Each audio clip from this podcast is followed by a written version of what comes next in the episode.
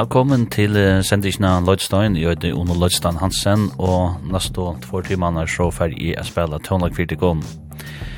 Hetta er en uh, Cinder Old School sending, her jeg fer spille Nekva Nudjan og Spiga Hamran til Føytan Tonlag 4 Gom. Annars har vi haft Nekva Vidjan i sendisna, og det er vi døylet, men uh, jeg ikke mer et litt, ja, en, en liten pause fra tog. Det om vant at jeg kunne høre Nudjan Tonlag fra 8 nu uh, Høysjør og The Kills, og Greta Van Fleet, er nytt fra MGMT, og så fer jeg at uh, Sinja en lilla kvå for uh, en nødvendig større talent i halvdige, som heter Stefan Sanchez, som, um, ja, som er via hitta størst, og jeg vant til Blue Rust uh, størst. Um, en større skjøtna, og tenk om det gleder gledningen. Jeg spiller Trudja Sanchez visen her, um, domalige tonlista mannen. Annars vil det Oisne okkur gammalt, okkur gammalt jo Kings of Leon, men uh, Lutra Jungle, Dua Sale, Dessa. Ja, tikkum nok glede til denne sterska sending. Jeg får gjøre det sånn quick and dirty, tui at jeg får ikke snakka ørni adikon, uh, som jeg annars pleier, men uh, og sin du skulde det lukka av all uh, høyra framme. Jeg får byrja ut tim sangun her. Jeg får byrja ut en sange fra um, Høysjør og Brandy Carlyle, som øyder... Uh, eh, Damage Gets Done. Og um, jeg får spela en sang tja og en doner balk som heter Death Cap for Cutie altså han er indie balker ur USA um, og til er en balker som hever et avast tilknyttet til farger tog at uh, for nøkken år siden så stod jeg med over um, og Gøtesandi og Gefesvann spalte ensamator eh uh, London faktisk gamla klaverer tja Christian Christian the Black som stemmer i verre enn ja ehm så skal han Stranger Core. og det var ikke annet enn Ben Gibbard som er åtta med i Death Cup for QD. Så, så vidt er det til. Og, men det er for å byrja sendisene, for å byrja sendisene vi øynen sånn løydstående um, darling kan man sija, til at uh, en balkor som øyder Black Pumas er um, atter aktuelle vi en av nødkjær utgave, og um, det er en uh, plata som heter um, Chronicles of a Diamond. Og mellom var utrolig venn den her balken her som er uh, en, ja, det er faktisk en duo, tog at um, det er tørpar Erik Burton og Adrian Casade, alltid det skal uttalas, som mannen denne her balken som kommer ur Austin og Texas. Men jo, det her uh, soul, skadeliska soul-tøvnagen ur uh, USA, Her kommer Black Pumas vi sangen More Than a Love Song.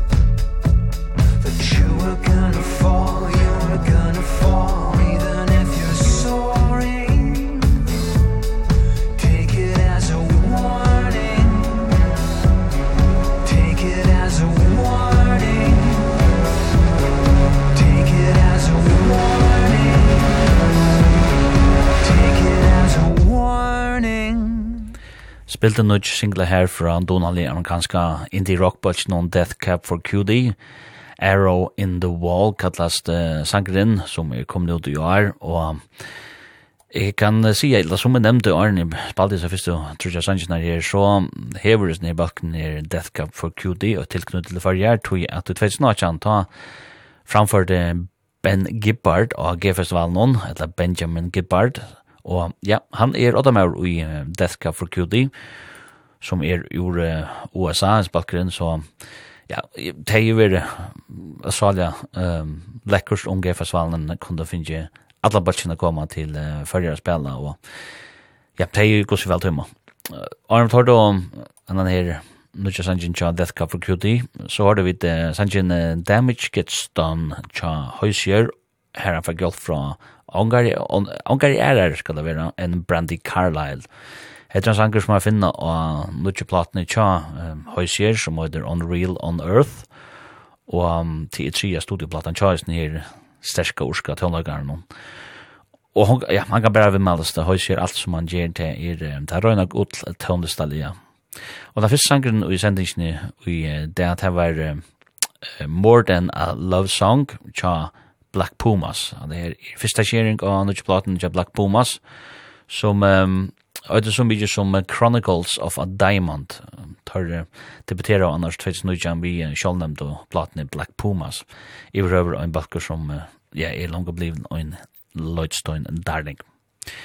Vi færa vujar, og det færa vi med landa vi Øyde Nudgen sanje tja sterska ganska rockbalken om Greta, det Greto, ja, Greta van Fleet, og det er um, en uh, sanger som uh, er å finne tar han Duccio Plato, som um, øyde så mye, jeg skal lukke han være vi her, hva hun øyde Um, hun øyde så mye som, uh, ja, Starcatcher, og hon kom ut i år, og Og jeg får spela en sang vi en balkje som øyder Coin, som øyder Chapstick, som balken, nei, det er balken, ja, som sangren kom ut i fjør, og jeg halte han er uh, spika hamrande føyde, så jeg får spela han uh, fyrt ikon.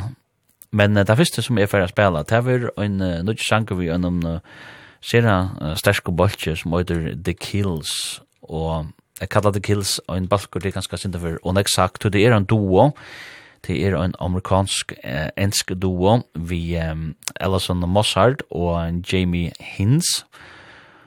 Og ja, de har vært kurr i noen år. Jeg har spalt en ekkur sendingen, men jeg har ikke haft disse sendingen i en av tog nå. Men um, de har givet en av nødja platt ut som heter Good Games, og det er den første platan så i 2016 da har jeg kommet ut ved en platt som heter Ash and Ice. Så det var en, en um, ja, en en trivaldig stekker tja i balchen her og det tog en flyra sted, det må man si at jeg har forsvaret at det var så lenge siden at jeg hadde givet en plate ut i sånn her donalige, en den donalige doen, The Kills. Men uh, ja, njóti sér trutja sannsyn her, og jeg var spela den sannsyn er og så platen tja The Kills som øyder, uh, uh, jeg så øyder den her, West, uh, Westerpiece, ja, Westerpiece. Westerpiece.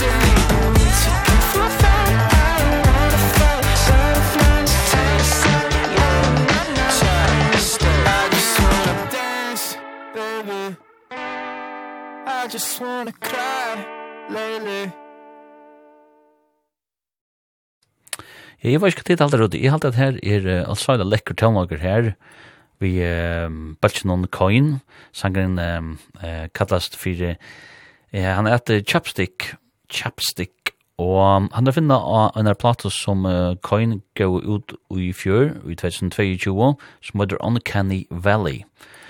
Og jeg skal ikke komme påstanda til at jeg er nekkar serfrunker i Snibatchinon som heter Coin, men um, Jeg kan fortelle deg så mye at uh, Spalskeren er ur Nashville i Tennessee og i USA. Spiller indie pop, eller pop rock, alternativ rock, uh, new wave, hva man vil kalla det. Uh, det her er, ja, et indie tannløyger. Og Tian Balker som har vært til siden 2012, det vil si at han er i 20 år gammel, så det er ikke, ikke ikke. Så, ja, morgen til det ja, det är en trio som det ser ut till och man tar void i sjuran jag omande bulchen och utan det jag har sen det sangen chapstick och eh hur Så här fick det den.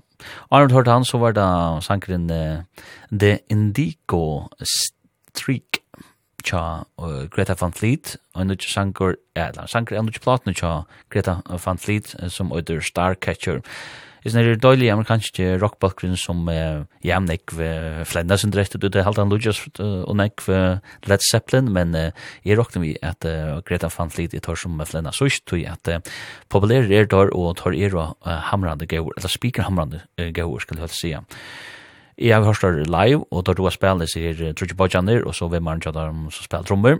Og ja, og tar, tar gjør det ikke mer innviklende på å servere til er gitar og trummor og bass og sankor, og så rockar vi bare sted.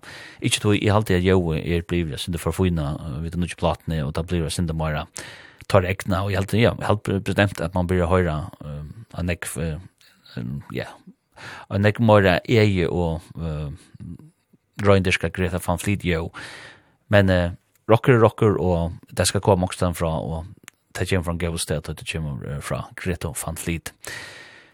Den første, for den første sangen, det var så en nødt sanger til The Kills, og jeg held at jeg kom til å uttale det her skøyft, jeg held at det må være Wasterpiece, altså akkurat som Masterpiece, men waste, Wasterpiece.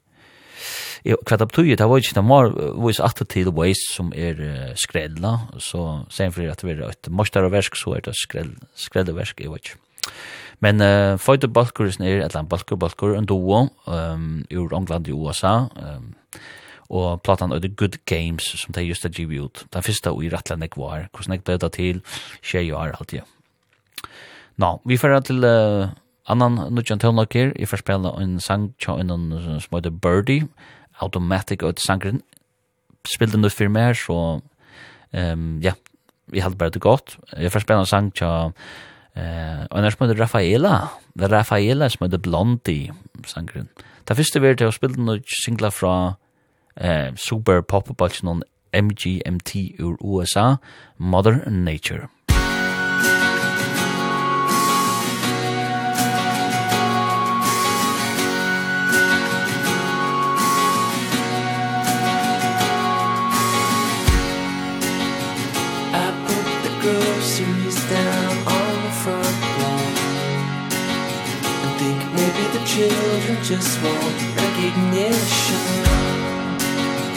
I wrote the fairy tale on a midnight drive. Wanting to know if I'm more than alive. I torch the fields again And kill an honest man. Now I understand Mother Nature. Watch me running her fist into the phone lights are off But somebody's home I'm like that tourniquet round the sun. Turn off seven reds into neon. You see the difference when it's done And I understand your hesitation. Come take a walk with me down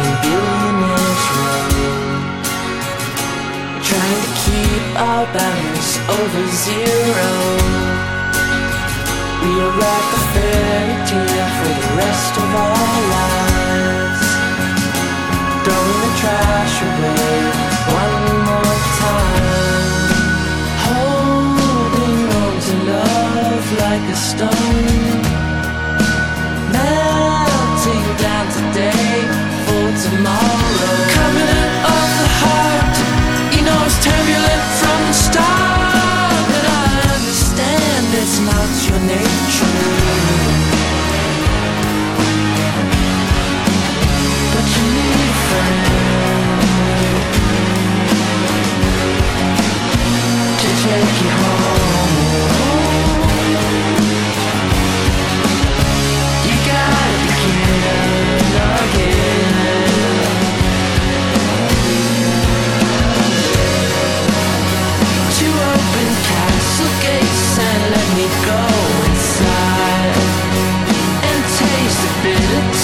that won't let you hide.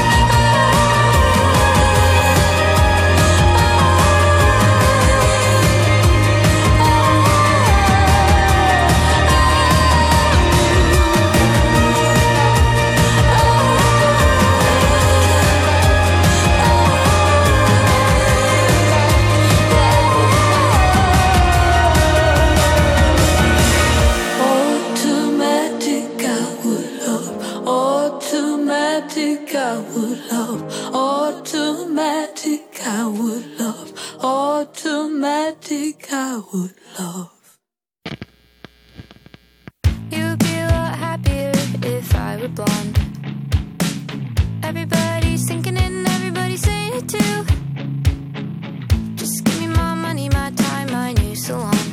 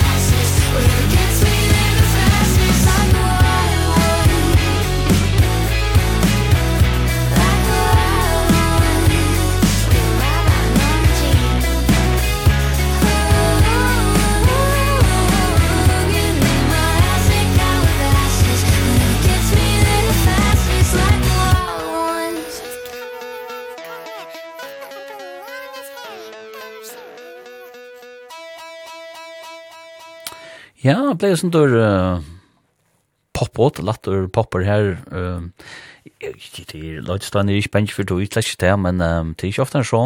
Her var det Rafaela, som spalte Sanjem Blondi, eller Blond, Blondi, Blond, Blondi må det blive.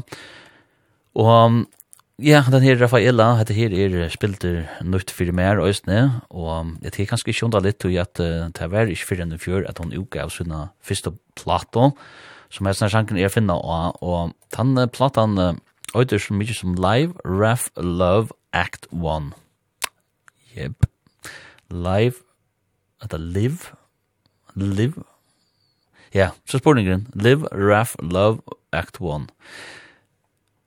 Eller live raf love act på. Ja, nu er ju förvirrad, men ja, det er også en också förvirrad jag inte hitch på. Men uh, sanger og Finor er sån her, og talar er om en dame som er ja nu 6-7 år gammel uh, ur USA som en sangare och sangskrivare.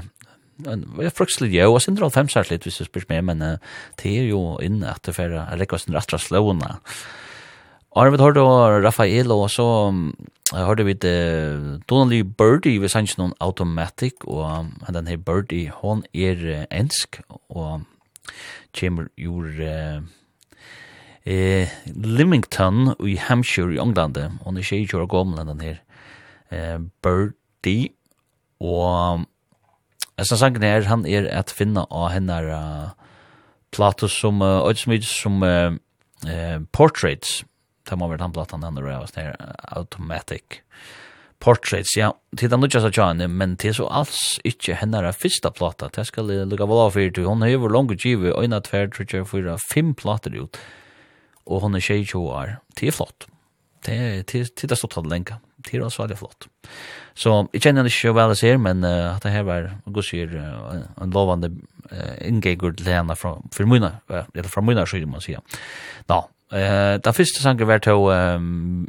en sangur vi spilte nu sangur vi hamransterska amerikanska eh, pop eh, bachelor MGMT kallar sanger kallas for Mother Nature og jeg ser her MGMT tar eh, jeg hadde singlan er en er kommande plato til Taimon som for The Loss of Life.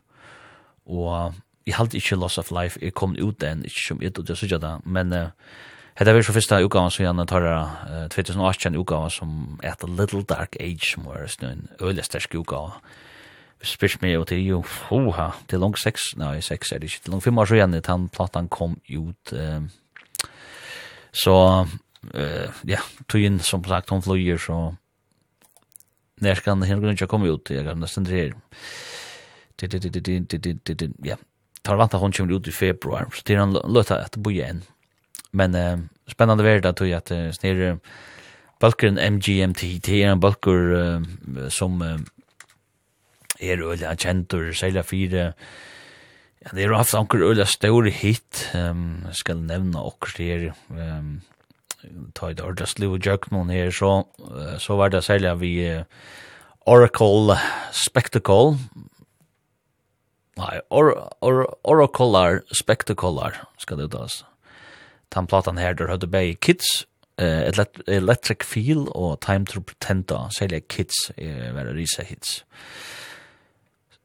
Uh, ja, yeah, så var sånn or, oracular spec spektakular, orakular spektakular, ja, nu kjøres vi oss det blir spett til det, det har det. Nå, nu får jeg så givet til um, at det er uh, nødja større talenter som er kom fram av, som man kanskje nekka tekket nere det kjenner langt nu, han øyder Stefan Sanchez, og um, at det er i Ramble, unge mauer, og 20 år gammal, ur um, uh, USA, og han arbeider ut fra Nashville stender og han er så mykje nutcher att han är bare givet en platt i det han börjar i det första man hørte till han var nok at i eh 2020 då han började liksom att eh Jeva eller som lägger såna covers ut och jag TikTok säger jag TikTok är motorer för jag brott det där och så i Tesnon jo gav en EP ut som heter was uh, what was not now.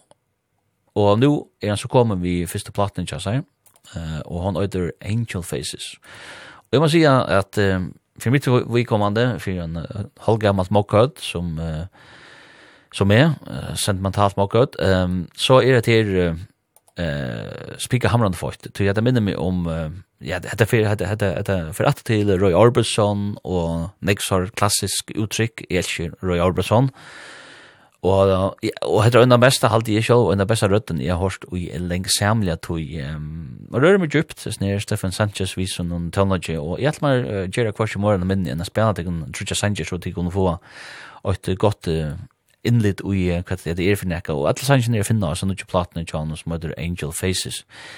Og jeg får spille cut in a Blue, og sier det i sangen halte jeg, han uh, minner meg nekko om det som uh, Roy Orbison platt gjev ut, og Eh så är det en sång som är rätt känd då alltid men det går spelningar och han heter Evangeline eller Evangeline Evangel Evangeline Evangeline Jag hade ska vara så att folk blir nöda kreativist nu utan det är ju år men man ger sig nu or halt. Alltså som eh ja Evangeline Evangeline. Jag vant att det man rättade som jag vet inte om det är ett namn det har inte no, anyways. Men det første er oss nere uh, platen tja uh, Steffen Sanchez, det er uh, sangren Be More, som jeg halte kanskje er den sterkaste av platene. Men uh, njótis her løtna vi av uh, Uluksaila Donald, en unge manne, som er vant til å være et risa navn om ikke så lenge tog. Musikk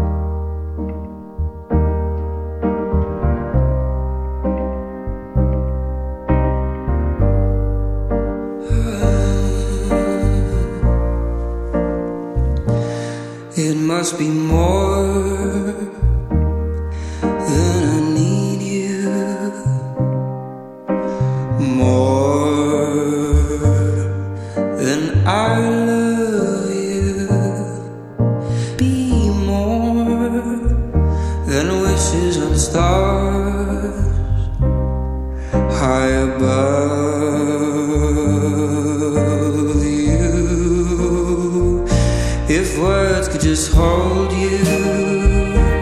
tell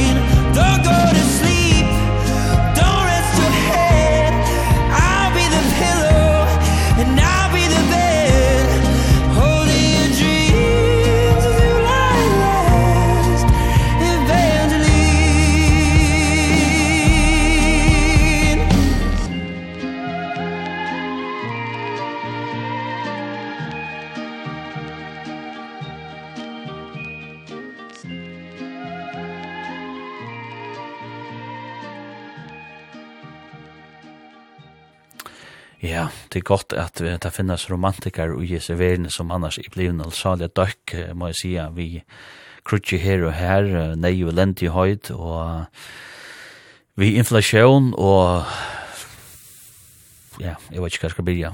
Og gjennom tog tar jeg til ikke det stått til å være til, så, um, så er det døylig at jeg har en, en rødt og en tøndestamann som Stefan Sanchez her, vi Trimo Sanko faktisk, Evangeline, at han uh, sønner som han spalte her, og Arndt her så, så var det Caught in a Blue, og så var det Be More.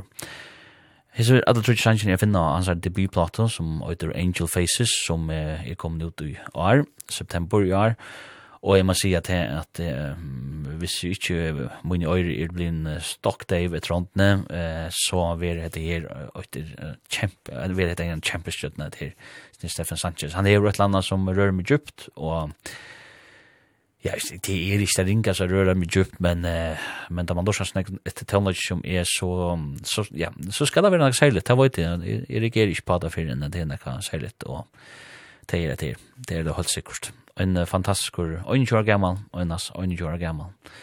Ehm vi har så rett nær. Wow. Ja. Stora muskaliteter, ja. Ehm så fra jeg synes det er ja, romantikk og, og ja, trygg på at det går så halt jag at vi fer i til en kvart annan att fast vi färd ikke Vi färd spela faktiskt jeg fer spela en, en eldre sang faktiskt nu til til en sanger som, eh, jeg vet ikke man kan si, en indre-sanger, ikke til jeg spalte han, og jeg sendte ikke det det, vi altså ikke til, jeg, jeg måtte kjøpe meg han inn, og i kjøpe han, for jeg kunne spille han. Men det er sanger som jeg alltid har vært ikke morra, og hukse atter, og at, ja, han er fra 2008, hvis ikke det er ikke nek foil, kanskje er en eldre enn det, la meg lykke å tjekke det, men til er vi bøtt noen Kings of Leon, og tar jeg, som sangen her alltid er kanskje, uh, tar jeg, jeg vet ikke, vad ska man säga? Måste jag vara tom 2003 holdt at 2003 er plattan youth and youth manhood.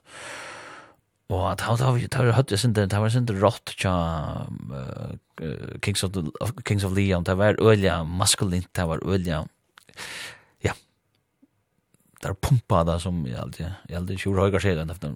Pumpa da stær tonlagen og det er ikke bare så vel så at um, Jeg får spela en sang vi tar i mån. Jeg får spela en sang vi en Donnelly en Balch med The Silverstone Pickups. I am the man. Det er joar. Begge Mollis Chambers, ja, Kings of Leon. Og I'm a man joar som sanger som kunne vi gjøre det for en egg. nå er skjønne. Men tar er og nudger. Eller, øynene 2003 er Mollis Chambers. til å si han er faktisk 20 år gammel stick den men um, I'm a man cha silver som pickups no jur og te er østen ta sys sankur næsten times med spell her te er algorithms cha uh, Kasabian. Så ja men vi byrja vi Mollis Chamber eh uh, Chamber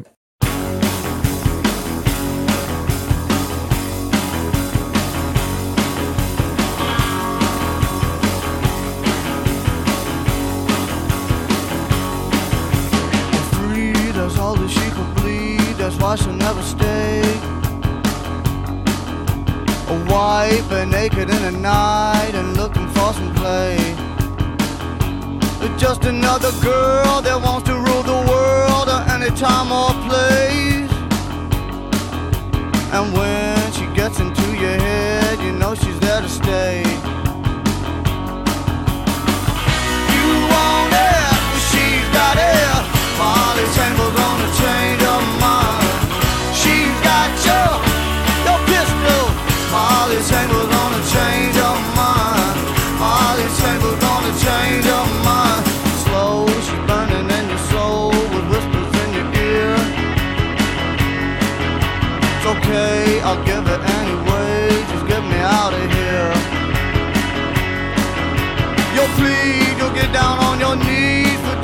the case. And when you think she'd let you in That's when she fades away.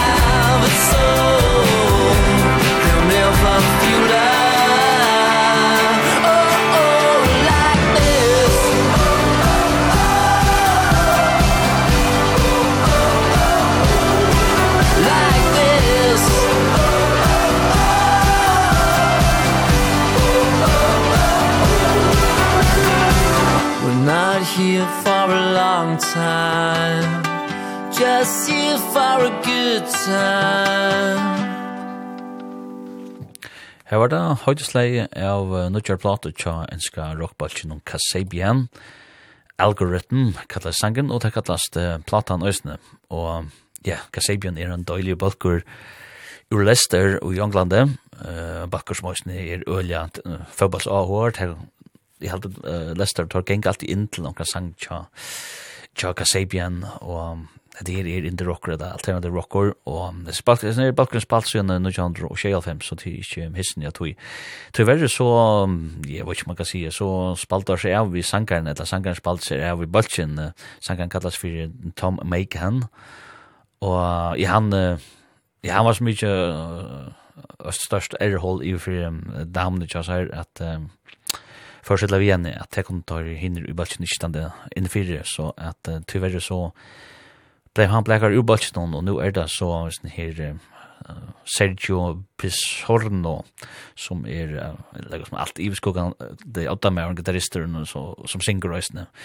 Jeg hade at uh, ikke tog han dora synja men uh, bakken hei han kant vi sånn her Tom Mekan men han hei ganska fornekan kant til at uh, ja, ta leks ut i alt anna, ut i alt som var rundt om han, og hvis han ikke klarer oppfører seg pent, så kan han heva låst. Men så ser han det til han tyvärr är det ofta så sån. Men uh, jag fått att Kasabian är er og uh, still going strong hevast the milk engine og tar er ganske særlig kjente for tar er første, ja, første plater Empire fra ja, debutplaten var Kasabian fra 2004 og Empire fra 2006 og så er det her som heter West Rider Popper Lunatic Asylum fra 2009 som jeg har spalt meg i uh, sendingen kommer og Det dömes alltid, man kan, man kan nämna här sanger som uh, Underdog, han ikke brukte sanger Underdog, um, ser av vad sanger. Det brukte alltid det samband med fotboll fotball, sånn, ja, så Underdog ligger ute, ja.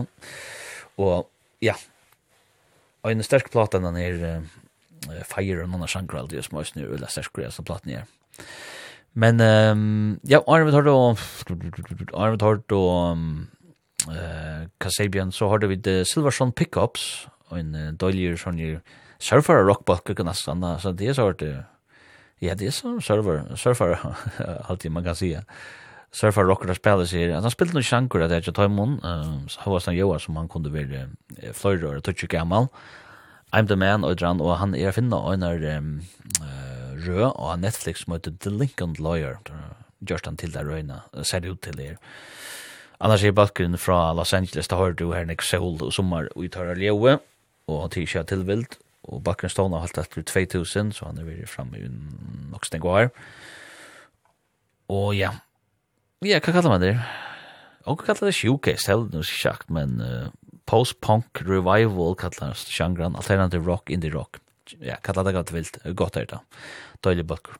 Og det første jeg som Jim Sankonen som spalte her, det var en uh, gammal travare tja Kings of Leon, men jeg halte jo den beste sangren tja Kings of Leon, uh, det var, uh, sjå han det, Sex on Fire, det var ikke kappas i han, men Jeg snir øyder Molly's Chambers, og jeg hadde jeg har lindet til å kalle han Molly's Chamber, men det er faktisk uh, Chambers, Og til en sanger som jeg finner av en platt fra 2003 tja eh, Kings of Leon.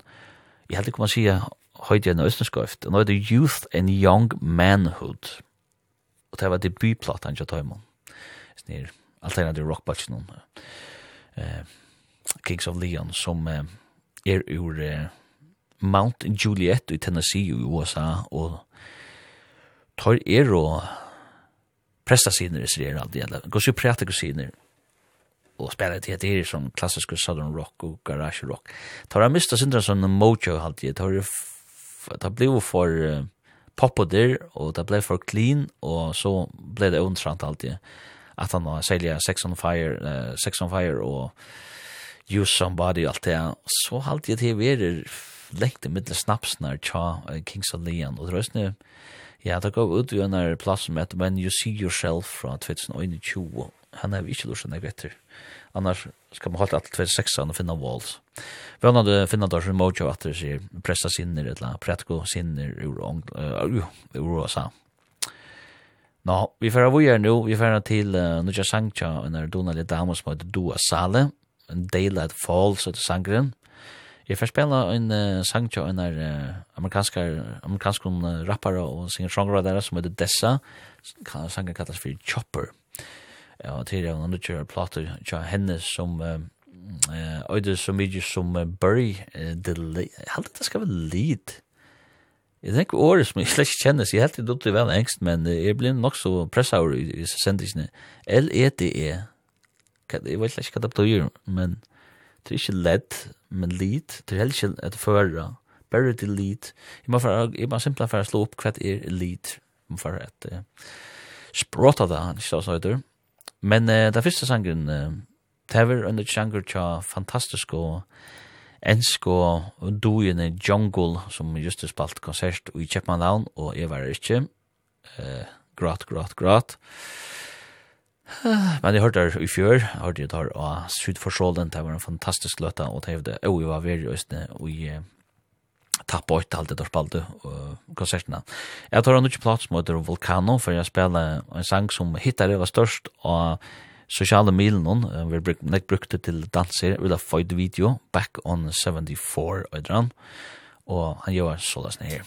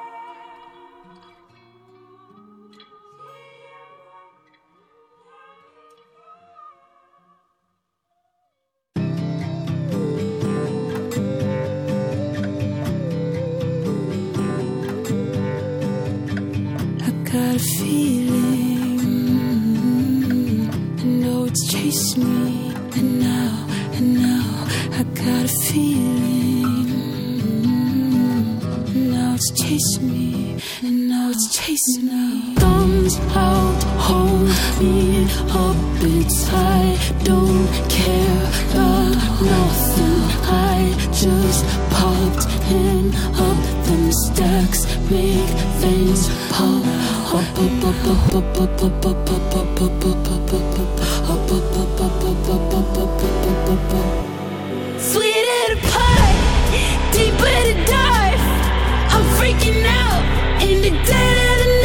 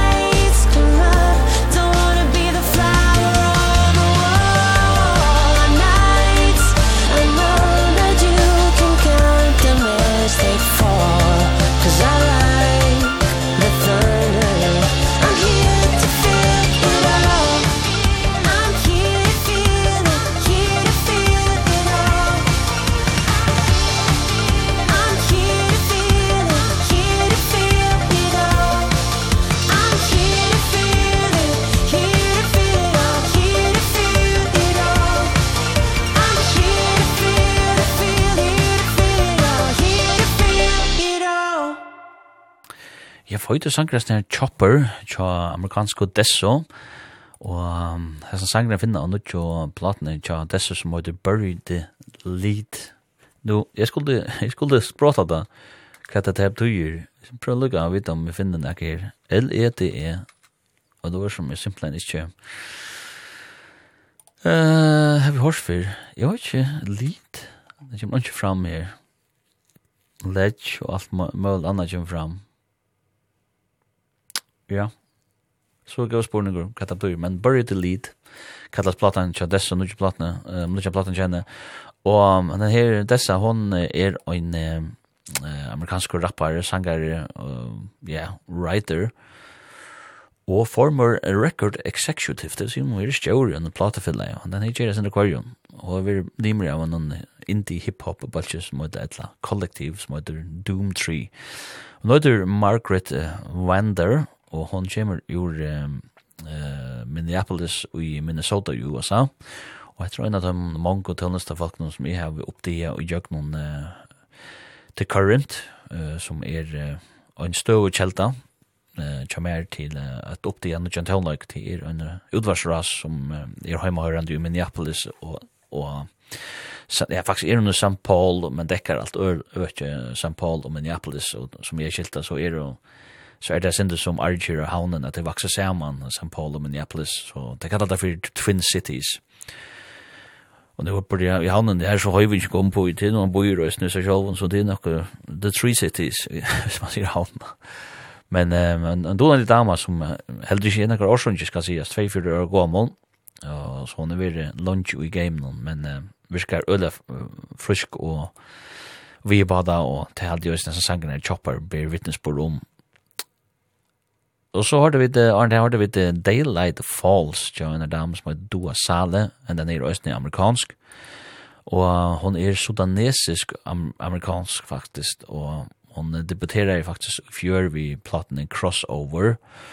Och hon är väldigt vid å skriva sanger eh för Travis Scott och så hon är av framman den här unga damen som uh, med dem väl uh, så hade jag vis här då sale. Og det jeg som Jim sang ner som vi tar det her, det var uh, Back on 74 tja, Enska Jungle Enska Do in the Jungle. Og det er en sanger man finner og tar en nødvendig plass med Volcano.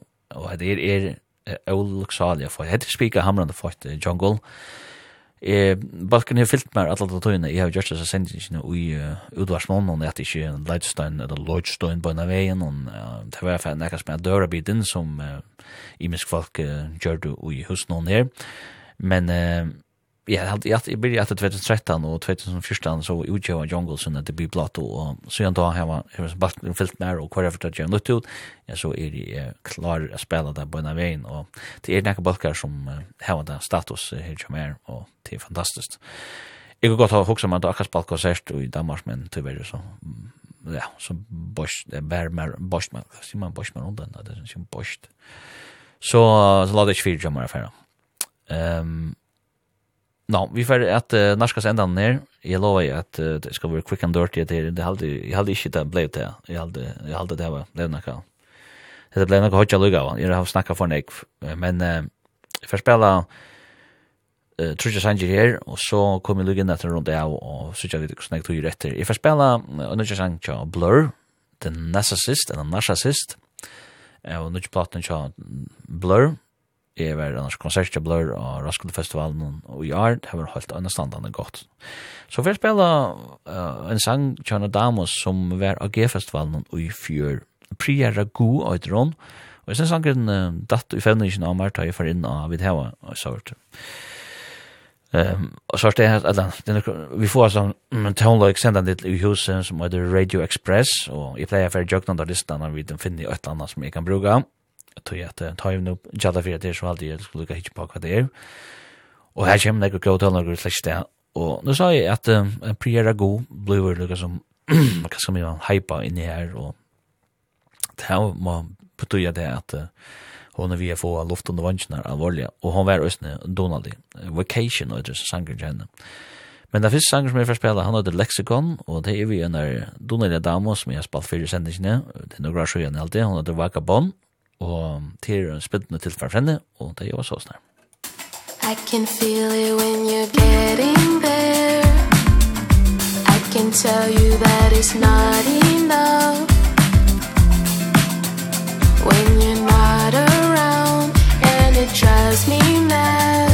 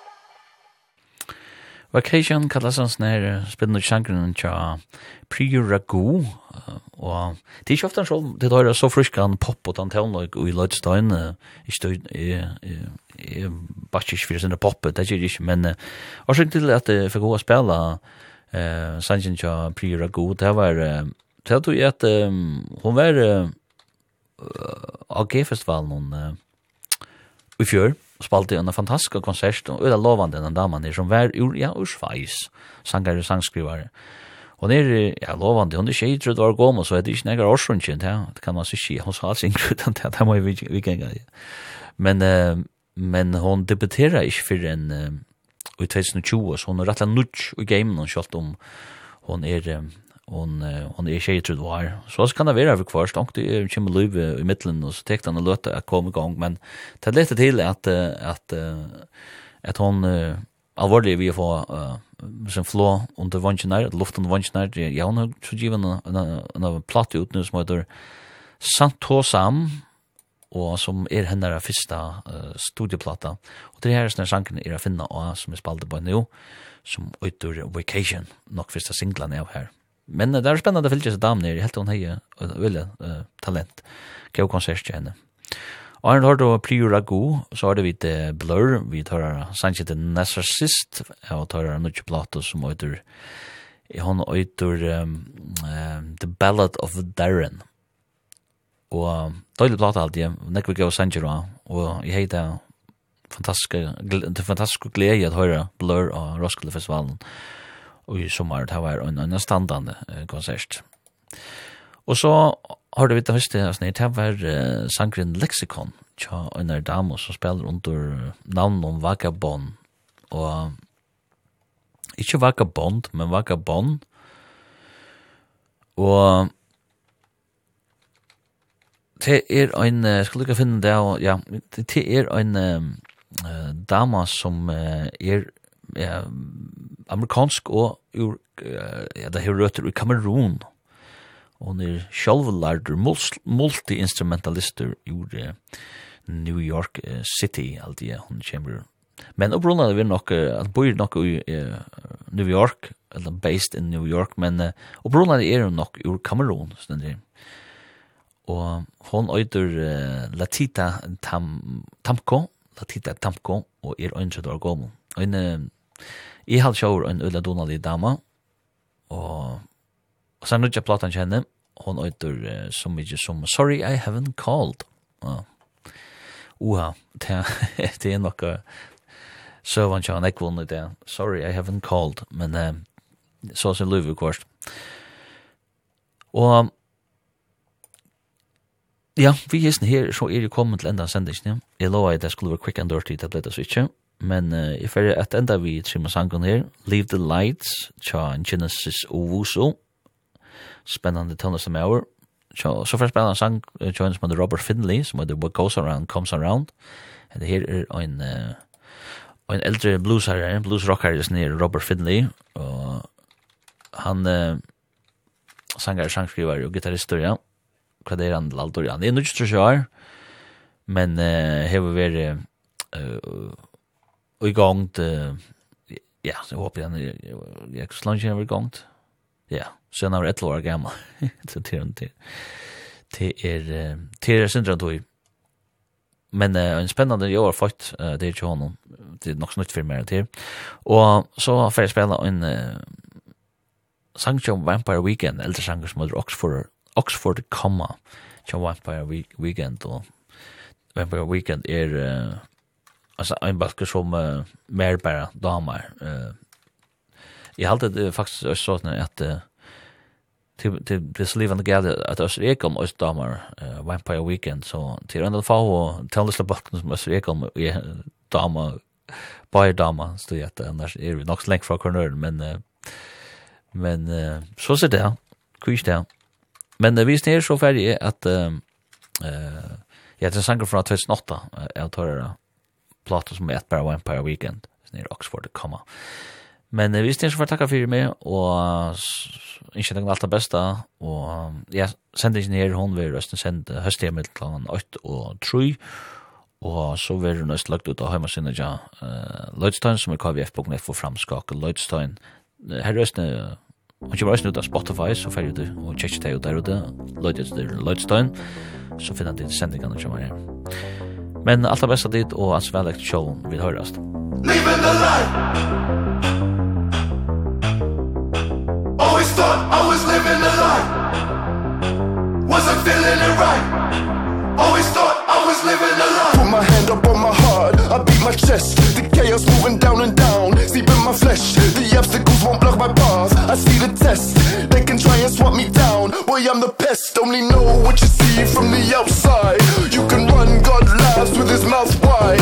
I will die on my knees throw my hands tied. In the end, it's a roach versus a landslide. Better run, there's a God and he's coming for me. Better run, there's a God and he's coming for me.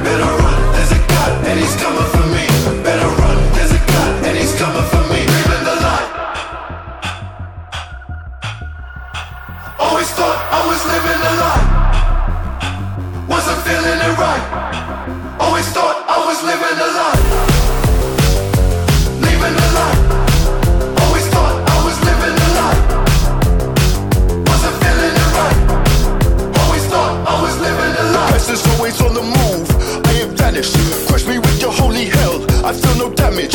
I can never stop my path. Despite the panic The planet might be burning down. Fuck it, I'll manage green hills. I can see them smoking. Big smile as the flames approaching. I'm a beast, I can feel them poaching. Snap me down, but a roach keeps roaching. Better run, there's a god And he's coming for me. Better run, there's a god And he's coming for me. Better run, there's a god And he's coming for me